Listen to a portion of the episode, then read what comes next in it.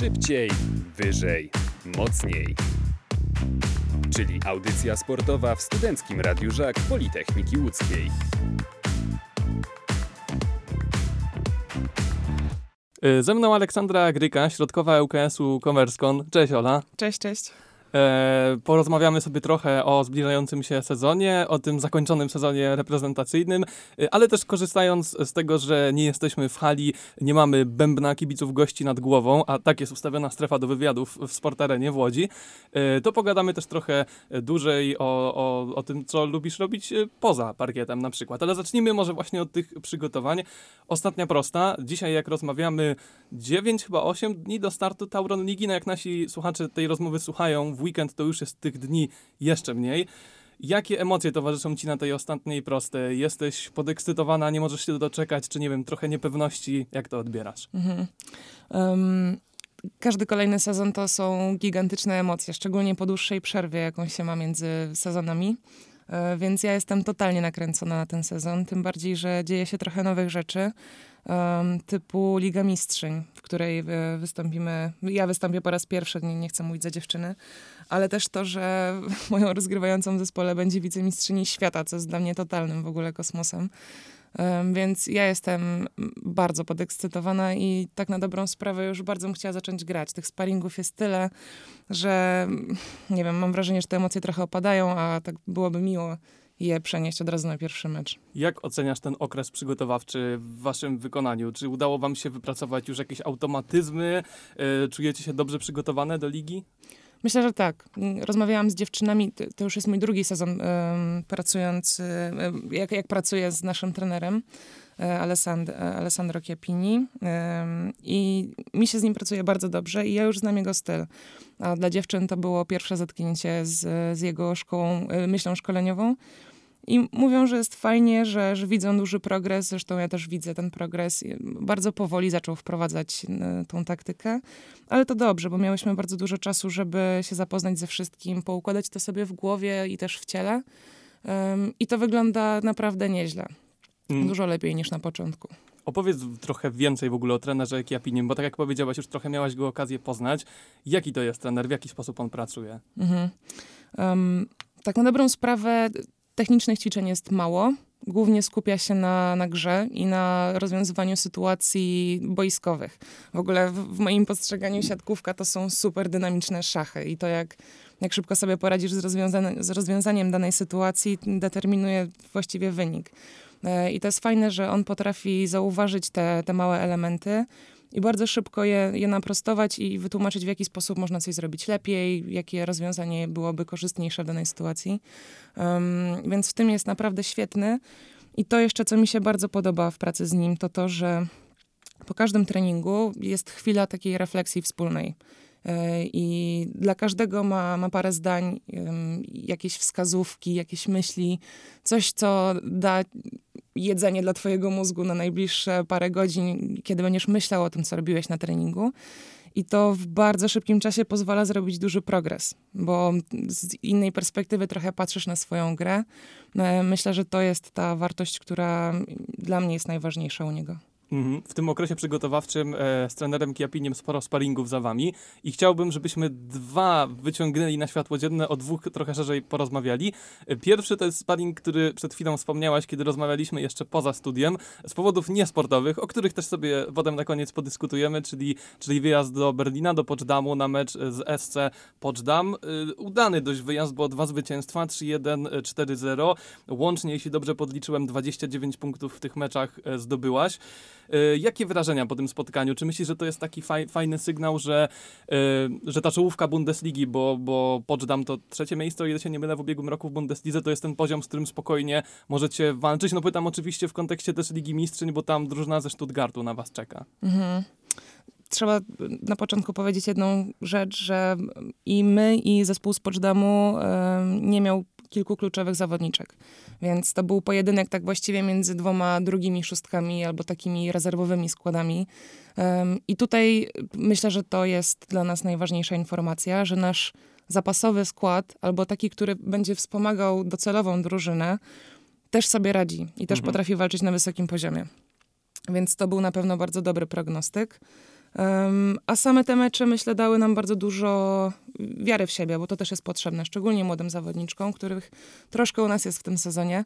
Um, także ja zaliczam te, te sparingi do udanych. Myślę, że Poczdam e, ma nad czym pracować, chociaż ich siatkówka też bardzo, bardzo ciekawie wyglądała, na pewno dużo szybsza niż, niż to, co my prezentowałyśmy, ale gdzieś my byłyśmy skuteczniejsze na tych sparingach. Okej, okay, drugi mecz y, to już nie tak dobre wspomnienia, bo to starcie z Developresem, które, y, no, w którym, w którym nie grałaś, ale które oglądałaś z boku. Tutaj z kolei porażka 0 do 4. Y, czy to też można zrzucić na karp tego osłabienia kadrowego dużego, bo, bo na środku na przykład zagrał trener Adrian Chyliński. Nie wiem, czy, czy boisz się, że cię wygryzie ze, składu, czy nie po tym meczu. E, czy, jednym słowem, czy, czy ten wynik, no bo na papierze to wygląda trochę tak, że jak kibice to zobaczyli, nie widząc tego meczu, no to mogą pomyśleć, o, czerwona lampka się, się zapala, ale czy, czy, czy, czy te powody do, do niepokoju są uzasadnione, twoim mhm. zdaniem?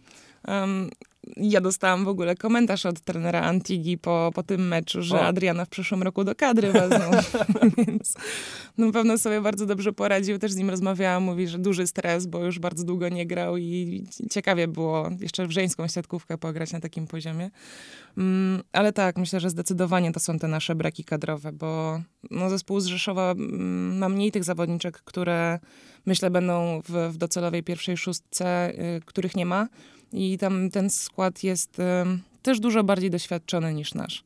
Więc ja bym to troszkę usprawiedliwiła tym, y, chociaż nasza postawa w tym, w tym sparingu też nie była najlepsza i myślę, to też jest, można z tego wyciągnąć dobre wartości, bo wygrywając każdy sparring przed rozpoczęciem sezonu i wchodząc w sezon z poczuciem, że jest się niezwyciężalnym, mm. to też nie jest najlepszy scenariusz. Więc dobrze od czasu do czasu dostać po głowie e, takie 4-0 szybkie z prysznicem w godzinkę od Rzeszowa i wyciągnąć z tego wnioski i, i dostać takiego kopa motywacyjnego, że jednak jest nad czym pracować, że nie jesteśmy najlepsze na świecie jeszcze. Więc myślę, że nawet ta przegrana wyjdzie nam na, na dobre. Sporo mówimy o tych osłabieniach kadrowych, bo rzeczywiście w sparingach no, nie, nie gracie w tym pełnym składzie z uwagi na, na Mistrzostwa Świata przede wszystkim, bo tam Kamila Witkowska, Klaudia Lagierska-Szczepaniak, Zuzanna Górecka i wspomniana przez ciebie Roberta Rackę. Czy nie obawiacie się, że ten brak zgrania no jednak może być, być dużym problemem, bo, bo dziewczyny e, wszystkie, no, no Roberta grała do końca Mistrzostw Świata, e, Polska też e, w ćwierćfinale dopiero odpadła, więc dość długo grały i tak naprawdę coś tam wypracowałyście w okresie przygotowawczym i nagle do tego wskoczą cztery dziewczyny, które no, znają się z częścią zespołu, ale jednak w tych przygotowaniach nie uczestniczyły. Mhm. Myślę, że największym... Największą przeszkodą do przeskoczenia przez dziewczyny będzie taktyka, którą ma nasz trener. Bo to, żeby się zgrać z rozgrywającą, która jest na takim poziomie, mm. myślę, że to nie jest y, bardzo trudne zadanie, bo to ona głównie dostosuje piłki pod zawodniczkę. Teraz już tylko pytanie, jaka będzie komunikacja między, między dziewczynami a rozgrywającą. To też jest ważne, żeby od razu um, dawać wskazówki, nakierowywać na, na odpowiednią piłkę. Um, tym bardziej, że nasze dziewczyny środkowe już grały w zeszłym sezonie z Robertą, więc e, ten element najtrudniejszy, czyli zgranie między rozgrywającą a środkową, tutaj już jest na wysokim poziomie. Myślę, że Zuza sobie świetnie poradzi i Roberta jeszcze lepiej.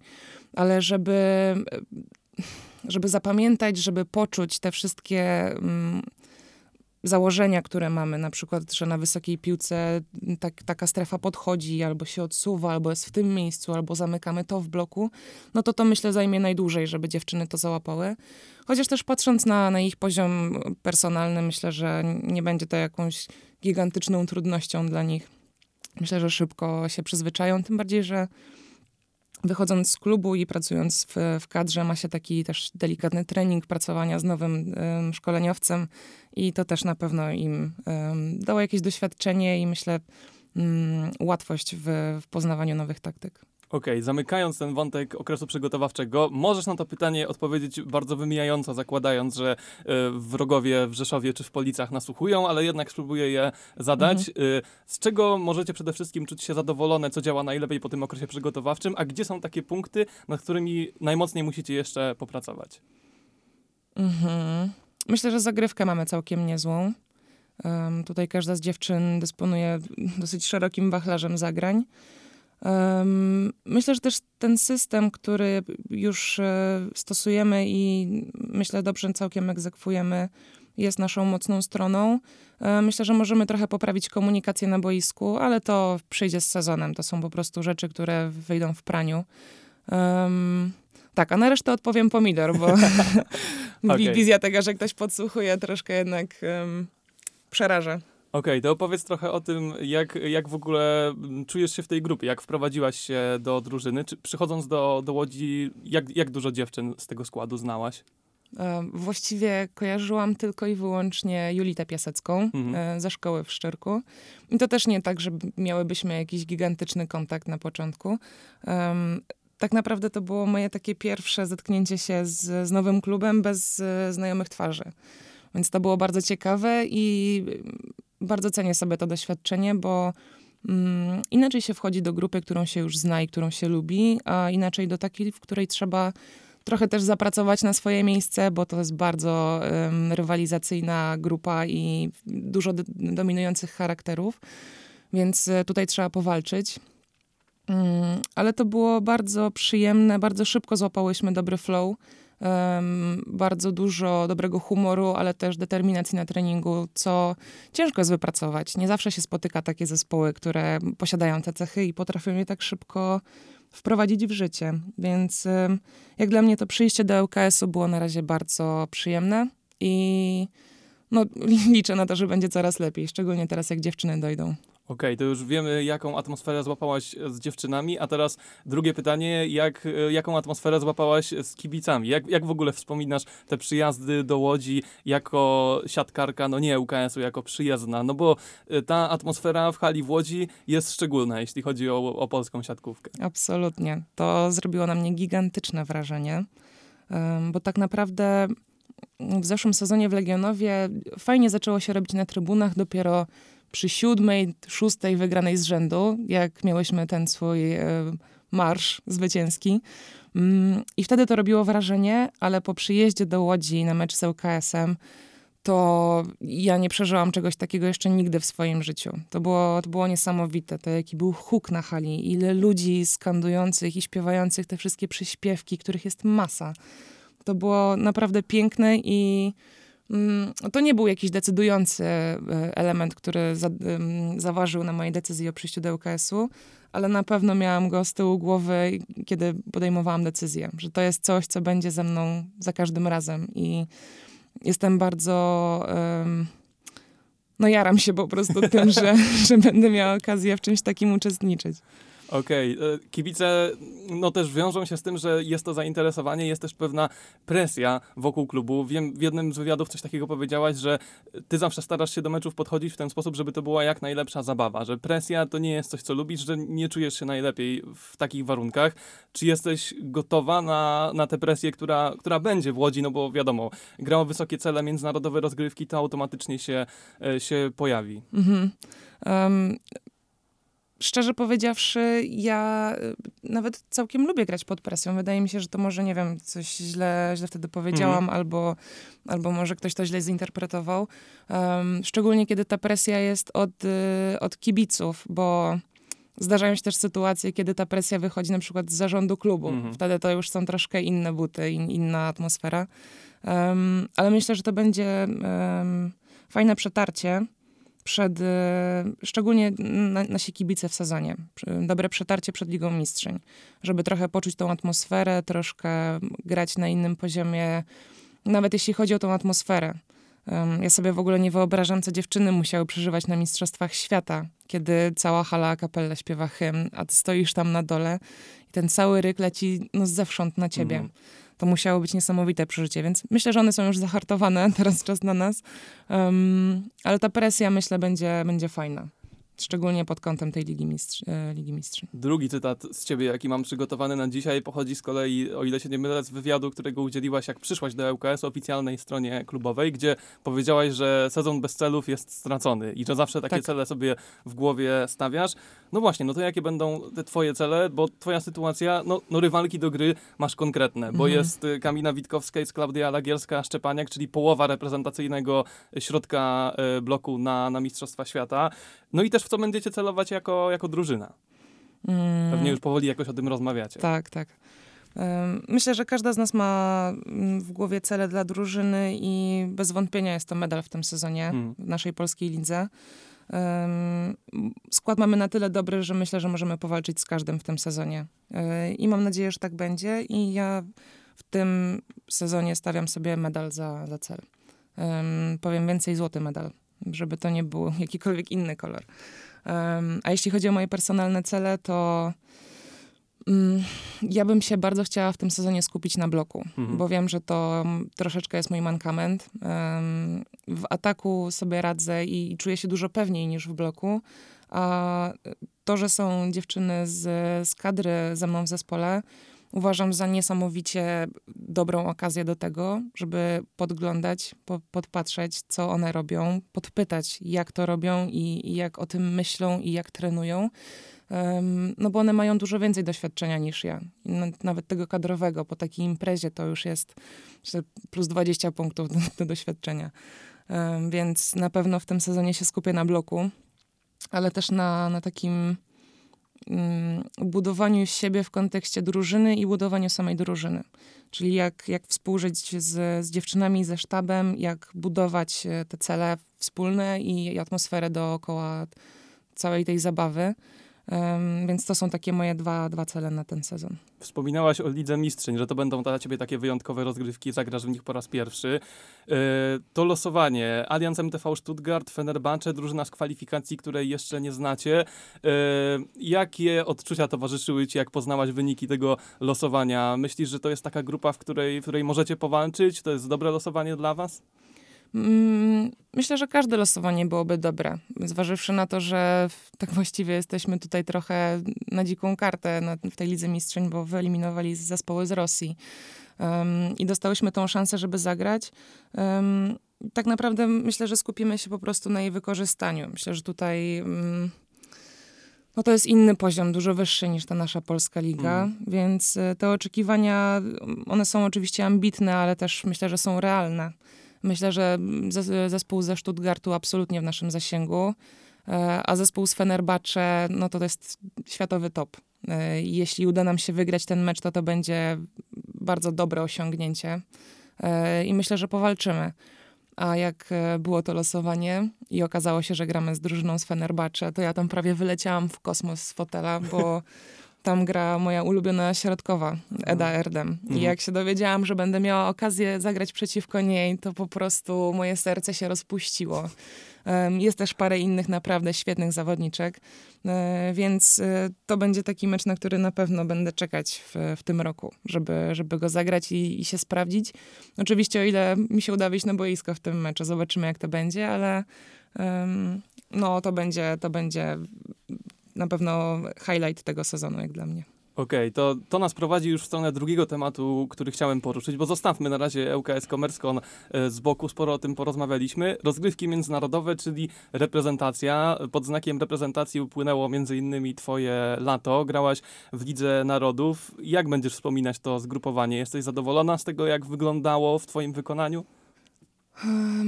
Może nie w 100%, mhm. ale też nie uważam, żeby to był mój naj, najgorszy występ. E, było parę meczów, których, z których jestem zadowolona, jak na przykład mecz z Brazylią, ale już taki mecz ze Stanami to było bardzo trudne doświadczenie. To był bardzo ciężki mecz, grać przeciwko nim. Ale też dużo takich refleksji związanych z, właśnie z funkcjonowaniem drużyny, jak to się wszystko budowało, bo to jeszcze była ekipa trochę w powijakach. To jeszcze mhm. nie było to, co teraz mamy, to co ta, ta ekipa, która grała na Mistrzostwach Świata, zrobiła jakąś gigantyczną robotę. Um, I trochę żałuję, że mnie przy tym nie było, że nie, nie miałam okazji tego zobaczyć. Um, Czułaś, że byłaś blisko tego, żeby się znaleźć w tej ekipie? Um, tak, myślę, że ta rywalizacja na środku siatki u nas była bardzo wyrównana mhm. i zadecydowało tak naprawdę elementy, które już e, które wziął pod uwagę trener i które dla niego były najważniejsze. No i tak się stało w tym sezonie, że, że wygrały inne. Um, ale tak, e, ta Liga Narodów to taki mój pierwszy turniej kadrowy, który rzeczywiście trochę pograłam i to było bardzo fajne doświadczenie, bo też trochę ukróciło e, jakieś e, można powiedzieć, ego po prostu, że zawodniczki, które były po drugiej stronie siatki, prezentowały dużo wyższy poziom niż to, do czego ja jestem przyzwyczajona. E, I z taką świadomością wchodząc w ten sezon, że, że poziom, który jest taki jakby docelowy, jest dużo wyżej niż to, co teraz jakby ja prezentuję, e, jest fajną motywacją. Także mm, myślę, że to wyciągnęłam z tego turnieju najbardziej byłaś przy tym pierwszym etapie pracy trenera Lavariniego z kadrą, no, który teraz rozpoczynał swoją kadencję selekcjonera. Opowiedz trochę o tym, jakim w ogóle szkoleniowcem jest Stefano Lavarini, jak ci się z nim współpracowało? Um, po pierwsze, trener jest bardzo... Um, ma bardzo ciekawe poczucie humoru. Potrafi być dosyć... E, złośliwy? Złośliwy troszeczkę, tak. E, troszkę sarkastyczny, mm. taki uszczypliwy, Czyli ale są przy szyderki. W troszkę tak, tak. E, takie e, podszczypywanie, ale to jest bardzo przyjacielskie i takie raczej z, mhm. z miłości niż z zawiści. Um, to było bardzo, bardzo fajny element wprowadzało na treningi, ale wtedy, kiedy jest potrzeba docisnąć, to dociska i to bezlitośnie czasami, więc y, też było ciekawe zobaczyć, jak pracują włoscy szkoleniowcy i jak oni podchodzą do siatkówki. Um, a sama praca tak naprawdę na tej Lidze Narodów, na tej kadrze, która ją poprzedzała, tam dużo takiego jego stylu może nie było, a przynajmniej ja nie widziałam, bo wydaje mi się, że po prostu próbował skleić tą drużynę z tego, co było do tej pory, to co dziewczyny zdążyły wypracować przez sezon. Um, I wydaje mi się, że ogrom tej pracy wykonały dziewczyny teraz przed Mistrzostwami Świata. To był dużo dłuższy okres, kiedy one były razem i miały dużo więcej możliwości, żeby trochę popróbować, trochę porozmawiać, e, też może poznać bardziej jego filozofię gry. Um, ale mi się bardzo przyjemnie pracowało z trenerem. Też czułam, że jest zainteresowany i że nie.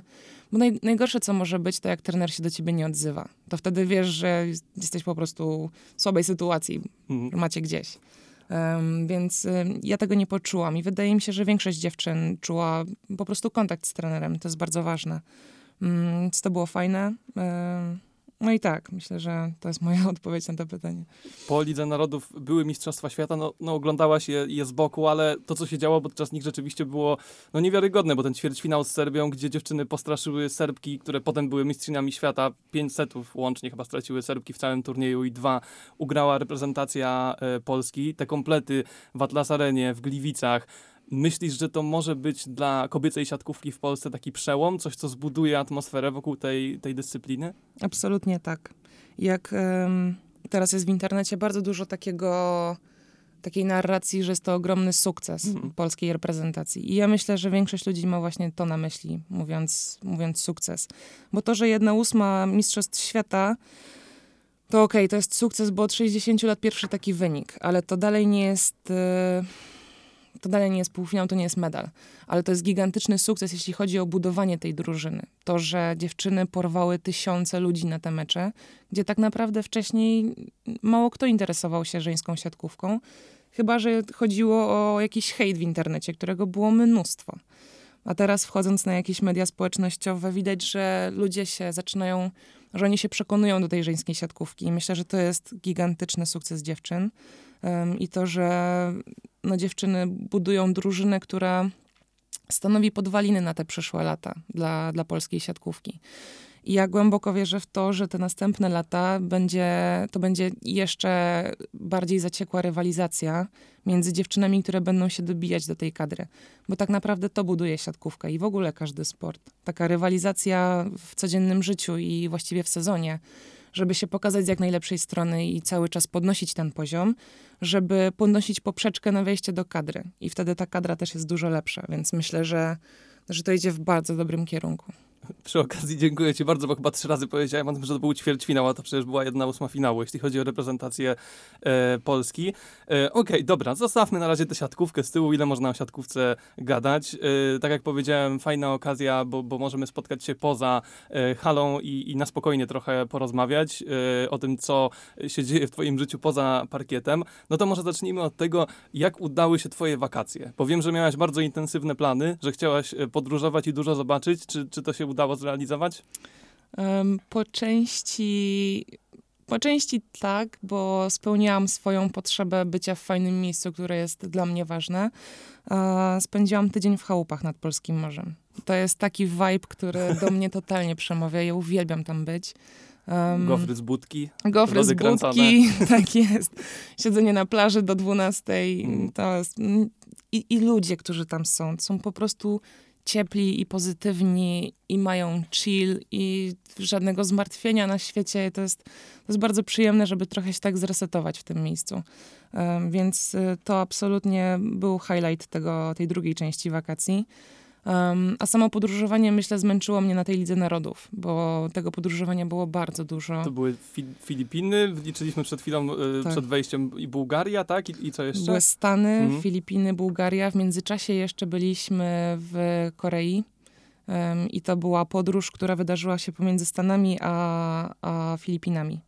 I wow. ta zmiana 12 godzin ze Stanów do Korei była zabójcza. My odsypiałyśmy to chyba z 4 dni to też kurczę, żeby szybko się wdrożyć w nowy, w nowy system, w cykl dnia po takiej podróży i, i przy takich obciążeniach treningowych, to no ciekawie jest to zorganizowane, nie powiem, bo to, to, trzeba naprawdę mieć silny organizm i głowę, żeby coś takiego przetrwać i, i żeby się nie dać skontuzjować w żaden sposób. Um, więc to podróżowanie było wycieńczające, można powiedzieć. I, I ono za każdym razem jest w sumie na tej Lidze Narodów.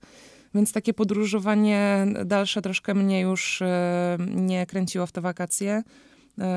Ale też e, troszkę posiedziałam w domu i z rodziną też miło spędzić czas, jak się tak dużo nie ma okazji posiedzieć w domu. Także wakacje jak najbardziej e, zaliczam do udanych. Z podróżami też wiąże się twoja druga pasja, która, tak jak e, mówiłaś, e, pozwala ci trochę bardziej doświadczać tego podróżowania, bardziej e, widzieć świat poza tylko parkietem, poza hotelem, poza tą bańką, w której drużyna siatkarska się obraca, czyli fotografia. Każdy, kto zobaczy twój profil na Instagramie na przykład, widzi bardzo dużo twoich zdjęć. Skąd w ogóle fotografia się w twoim życiu wzięła i co cię w niej najbardziej rajcuje? Mhm. Um, to jest mój obecny outlet sztuki, która gdzieś tam we mnie siedzi i potrzeby um, ekspresji mhm, tego. Mm, wyrażania siebie. Tak. Um, z muzyką trochę nie wyszło. O, i to, gdzieś... jest, to, jest, to, to za chwilę, wszystko Dobra. po kolei. um, no to aktualnie jest to po prostu mój styl mm, tworzenia czegoś i ekspresji tego, co widzę i tego, co czuję.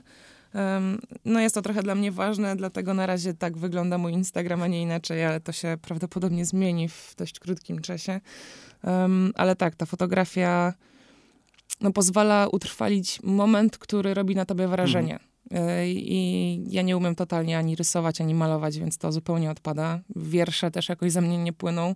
E, a ta fotografia pozwala w, w bardzo szybki i i wierny rzeczywistości sposób oddać to, co się dzieje w tobie i na zewnątrz. Um, i, I też bardzo fajnym medium udało mi się złapać, bo um, ta instant fotografia. Właśnie, czyli, właśnie, właśnie, o to chciałem zapytać tak, tak, tak. dokładnie. Tak. Czyli, czyli te instaxe, które mm. i te klisze, które jakby po naświetleniu od razu wychodzą.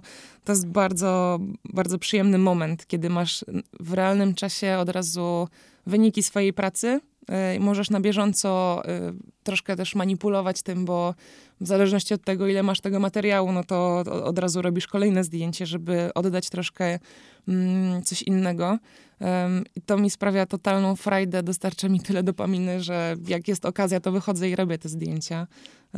Także tak, to jest na razie, na razie moja taka poboczna pasja. Okej, okay. opowiedz trochę w ogóle o aparacie, którym robisz zdjęcia, bo to nie jest przypadkowe urządzenie. No nie, nie. Um, to urządzenie gdzieś tam surfując po YouTubie wpadło, wpadł mi filmik e, oceniający właśnie ten aparat. To jest e, aparat, który robi zdjęcia na kliszy tej najszerszej z Instaxa. Mm, tylko że on jest w pełni manualny, więc ma mhm. do ustawienia przesłonę, czas migawki. Czyli wszystko zależy od ciebie, tak, słowem. ostrość, wszystko. E, flash, także naprawdę no, wygląda jak zwykły analogowy aparat, tylko nie robi zdjęć na, na takiej zwykłej, tradycyjnej kliszy, tylko na tych wkładach. Mm. I ta zabawka, no świetna. E, ja to wożę ze sobą wszędzie, to nie jest wcale lekkie, ale gdzieś wychodzę, no to to biorę. E, te wkłady też no, zajmują tonę miejsca. Mm, ale bardzo, bardzo przyjemnie się robi tym zdjęcia, też trochę wywołuje takiego zaciekawienia i uśmiechu na twarzach ludzi, którzy są wokół. E, miałam taką sytuację w Radomiu, że poszłam e, po prostu na spacer z tym aparatem, porobić trochę zdjęć w parku. E, I jakiś pan mnie zaczepił. Mhm. Pan z siatką z Biedronki, pan, od którego pachniało bardzo mocno tyskim. Nie był to kibic Radomki, No który, który kojarzył cię z parkietu. Raczej nie. No i pan, pan z dzisiu do mnie podchodzi, nazwijmy go panem z dzisiem. Przepraszam, co pani robi? Mówię, że zdjęcia. Chce pan, chce pan zdjęcie jedno? A mogę? I wiesz, tam się poszedł ustawić do takiej kapliczki, która była. Normalnie zapozował. Tą, ta, tą torbę z Biedronki tak se trzymał, jak torbę jakiegoś Louis Vuitton. Zrobiłam mu tą fotę i mu dałam to zdjęcie. On mówi, to dla mnie? I ja mu zrobiłam ten dzień, tym dzień i to było tak wspaniałe przeżycie, że, że mogę tak na, od razu coś komuś dać. I, no, zakładam, że on nie ma dużo zdjęć swoich tak przy sobie. Więc takie zdjęcie dla niego, myślę, super frajda. Em, tak samo jak dla mnie, że mogę coś, coś jemu dać i tak, taki bardzo szybki taki em, epizod jakiegoś randomowego spotkania dwóch ludzi z dwóch zupełnie różnych światów. No, to, to było piękne po prostu. Druga rzecz, o której wspomniałaś, drugi świat, w którym się realizujesz, to, to muzyka. Kiedy, kiedy właśnie przygotowywałem się do tej naszej rozmowy, to gdzieś totalnie mimochodem natrafiłem na tę informację, że wyjechałaś do Stanów, gdzie grałaś w siatkówkę, właśnie z uwagi na studia muzyczne. Opowiedz o tym trochę, bo to nie jest taki typowy mm, epizod w e, życiorysie polskiej siatkarki. Skąd ta nie. muzyka w twoim życiu i, i jak te twoje związki z muzyką wyglądają? Bo, bo mówiłaś, że grasz, mówiłaś, że, że ciągnie cię też do, do realizacji, do, Mhm. do techniki. Em, muzyka była dużo wcześniej niż, niż siatkówka, Mhm. bo w siatkówkę zaczęłam grać jak miałam 16 lat, więc dosyć, dosyć późno, a e, mam zdjęcia, jak mam, nie wiem, dwa latka, trzy latka, sie- siedzącą e, przy, przy keyboardzie i coś tam gram sobie z tatą. I to zawsze gdzieś było właśnie taka, taka aktywność z tatą wieczorami, gdzieś granie na gitarze. Tam w wieku 6 lat pierwsza gitara, jeszcze rozmiar 3 czwarte, bo za duża była zwykła, żeby tam złapać na strunach akordy. Em, I tak, ta muzyka zawsze była przy mnie. Później trochę zaczęłam grać na, na flecie poprzecznym i doszło do tego koncerty w, w lokalnym mieście w Piasecznie, na rynku, na jakichś festynach. Więc e, też swój zespół założyłyśmy z dziewczynami, które w Domu Kultury się wtedy uczyły u tej samej nauczycielki. Ale to był zespół fletowy? To był zespół, nie, to był taki girls band bardziej. Wow. Ja na flecie, koleżanka na pianinie, jedna na perkusji, łamane na jam, jumbo. Jest taki instrument, który wygląda jak klepsydra i to jest bębenek. I Mhm. ona na tym jambori, nie pamiętam jak to się nazywa. Em, I jeszcze keyboard w międzyczasie doszedł, jakaś gitara, więc ten skład się trochę zmieniał, ale repertuar, repertuar miałyśmy właściwie stały i też byłyśmy stałymi bywalczyniami na wszystkich takich em, lokalnych koncertach. Mhm. Em, to się skończyło jakoś w, w pierwszej liceum i od tamtego czasu już tego nie kontynuowałam. Ale przed pierwszą liceum był właśnie taki czas, gdzie no ja miałam trochę doła, bo nie wiedziałam, co zrobić ze swoim życiem. Em, ja Bo wiem, że to się tak zaczynałaś wtedy grać w siatkówkę, nie? mówi. No, jeszcze nie wtedy właśnie. A, jeszcze nie, okej. E, Ja wiem, że to się to głupio brzmi, jak e, się opowiada o 15-letnim dziecku, które ma rozterki życiowe, bo nie będzie wiedziała, co robić w życiu. Nie no, trzeba wybrać liceum. Ja No. przechodziłem przez to samo. No właśnie, to jest taki, jest taka super, e, super sentencja, która była zresztą napisana na, na ścianie w klasie mojej. Co to za ponury absurd, żeby o, o, o życiu decydować za młodości, kiedy jest się jeszcze debilem. To tak, to absolutnie to był ten czas. Em, no i to była duża rozterka, w- po prostu co zrobić ze swoim życiem, bo nigdy nie chodziłam do szkoły muzycznej, a ta muzyka gdzieś zawsze była mi tak bliska, że ja chciałam z nią związać swoje życie. Em, I szukając e, sposobów, żeby, żeby zrealizować ten plan, no dowiedziałam się, że bez szkoły muzycznej w Polsce to właściwie ani rusz, bo ani na studia, ani, no chyba, że po prostu na własną rękę coś Mhm. robić, ale też, żeby się wybić w tym, e, w tym to jest otoczeniu, trudne to jest trudne. E, I właśnie wtedy mniej więcej wpadła ta siatkówka. Mm, To się zaczęło jakoś w ferie właśnie w pierwszej liceum. Mm, To się już potoczyło wszystko bardzo szybko, bo z turnieju na turniej, potem ktoś mnie zobaczył, ktoś mnie zaprosił na inny turniej, tam mnie zobaczył dyrektor szkoły sportowej, dostałam zaproszenie, no i stwierdziłam właściwie, rzucam swoje życie w Warszawie i jadę tam grać w siatkówkę. No w sumie z muzyką raczej mało wyjdzie, no to, to siatkówka. Spróbujemy, może wyjdzie. Em, I wtedy wpadł pomysł tych Stanów, bo w Stanach jest tak, że właściwie nie trzeba być zdecydowanym przez pierwszy rok studiów. Dopiero później określasz się, co, co chcesz robić, jak, jaki kierunek studiów wybierasz. Um, I jednym właśnie z tych kierunków była muzyka, czy, czy też reżyseria dźwięku. Um, i, I, to, był, to była taka lampka, która się zapaliła, że siatkówka może być tym biletem, które pozwoli mi zrealizować marzenie o, o muzyce. Więc y, no, poświęciłam bardzo dużo czasu na tą siatkówkę, ale też na, na przygotowania do, do egzaminów na, na, na te studia. I udało mi się wyjechać do USC. I tam wzięłam swoje pierwsze zajęcia z, z reżyserii dźwięku. Bardzo techniczne zajęcia, typu poznawanie um, jakichś Obody transformatorów, tak. tak. tego jak, jak się układają fale dźwiękowe, mm. jakie mikrofony, jakie mają funkcje, jakie zbierają pasma. No, bardzo techniczna strona muzyki. I to mnie troszkę otrzeźwiło, że to chyba nie do końca jest to, co ja bym chciała robić. Um, dalej mnie to bardzo no, fascynuje mnie po prostu już bardziej sama taka realizacja, mm, czyli jak poukładać te dźwięki, żeby to brzmiało na nagraniu, ale żeby się nauczyć tego wszystkiego tak od podstaw, od, od konsoli przez jakieś kable i później po mikrofony, no to mm, to już tak średnio. E, I w tym samym czasie okazało się, że to siatkówka zajęła to, to miejsce na piedestale w moim życiu. I te stany gdzieś nie, nie wypaliły. To było bardzo ciekawe przeżycie nie wiem, czy zaliczyłabym je jeszcze do, do takich pozytywnych, bo troszkę e, jeszcze mam e, trochę rzeczy do poukładania a propos tej, tej przygody, e, ale uświadomiła mi, że, że to siatkówka jest tym, tym, co chcę na razie robić w życiu. Okej, okay, to mogę ci w takim razie zadać pytanie, które w wielu takich rozmowach w stylu niech kibice poznają lepiej naszą zawodniczkę pada tak zupełnie mimochodem, mhm. ale w twoim przypadku myślę, że jest bardzo uzasadnione. Yy, czyli w jakim muzycznym świecie się najlepiej odnajdujesz? Jakiej muzyki słuchasz na co dzień? Mhm. Um, właściwie to się zmienia, zmieniało na przestrzeni lat. Jeszcze w liceum to był heavy metal i mocny deathcore i, i takie klimaty. E, ulubiony zespół Architects. Um, Później troszkę takiej spokojniejszej muzyki, melodii. Też jestem średnia w nazywaniu tego, ale miałam gigantyczną fazę na Agnes Obel. To są mm. bardzo takie oniryczne dźwięki. Um, a teraz właściwie jest to bardziej klimat neo-soulu, e, troszkę takiego R&B, ale mm. elektroniczno-nowoczesnego, nie, nie takiego starszego.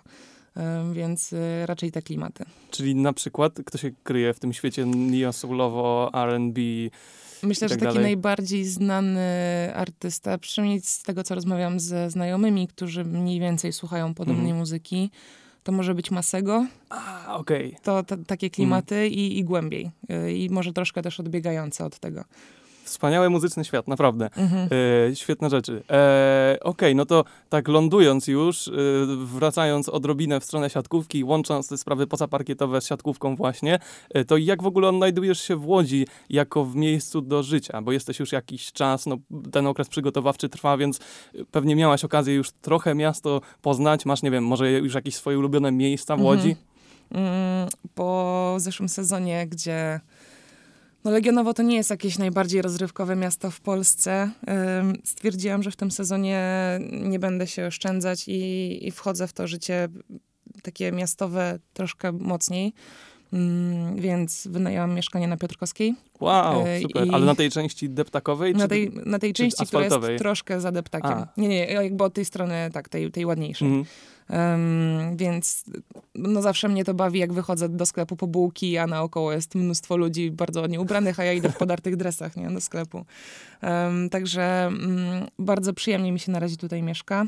Myślę, że ta Piotrkowska jest no, takim głównym, myślę, sercem Łodzi po prostu, miejscem spotkań. A jeszcze nie miałam takiej okazji, od, odwiedziłam parę miejsc poza Piotrkowską. E, na przykład były targi, takie mini targi plakatów w willi w Parku e, Poniatowskiego. Mm-hmm. Ta willa bardzo ciekawe miejsce. parę razy do, do teatru czy, czy do kina takiego bardziej studyjnego, e, więc takie miejsca też odwiedziłam. Zostało mi jeszcze na mojej liście Muzeum Sztuki. Myślę, że tam będę często. Mm, a głównie to są jakieś restauracje na wyjścia z dziewczynami albo um, takie miejsca ładne do fotografii, żeby sobie zobaczyć i poklikać trochę. Um, ale tak, jak, jakbyś miał jakieś miejsca do polecenia, to ja z chęcią przyjmę. Okej, to jesteśmy umówieni. W takim razie zaraz się wymienimy. Yy, Okej, yy, była ze mną Aleksandra Gryka, yy, flecistka, fotografka, ale także środkowa ŁKS-u yy, Komerskon. No i właśnie, w kontekście tego, że środkowa ŁKS-u Komerskon, to przypomnę jeszcze na koniec, że no, no ostatni etap przygotowań przed wami, 21-23 października w Szamotułach, turniej Amika Cup. Tam zagracie z Woli Wrocław, z Dresdner SC i z Rote Raben yy, Wilsbiburg, a inauguracja sezonu w piątek, 28 października o 19 na wyjeździe gracie z Unii Opole. Powodzenia e, w tych przygotowaniach na końcu i powodzenia w całym sezonie i dzięki za rozmowę. Dzięki bardzo, trzymajcie kciuki i do usłyszenia. Szybciej, wyżej, mocniej. Czyli audycja sportowa w Studenckim Radiu Żak Politechniki Łódzkiej.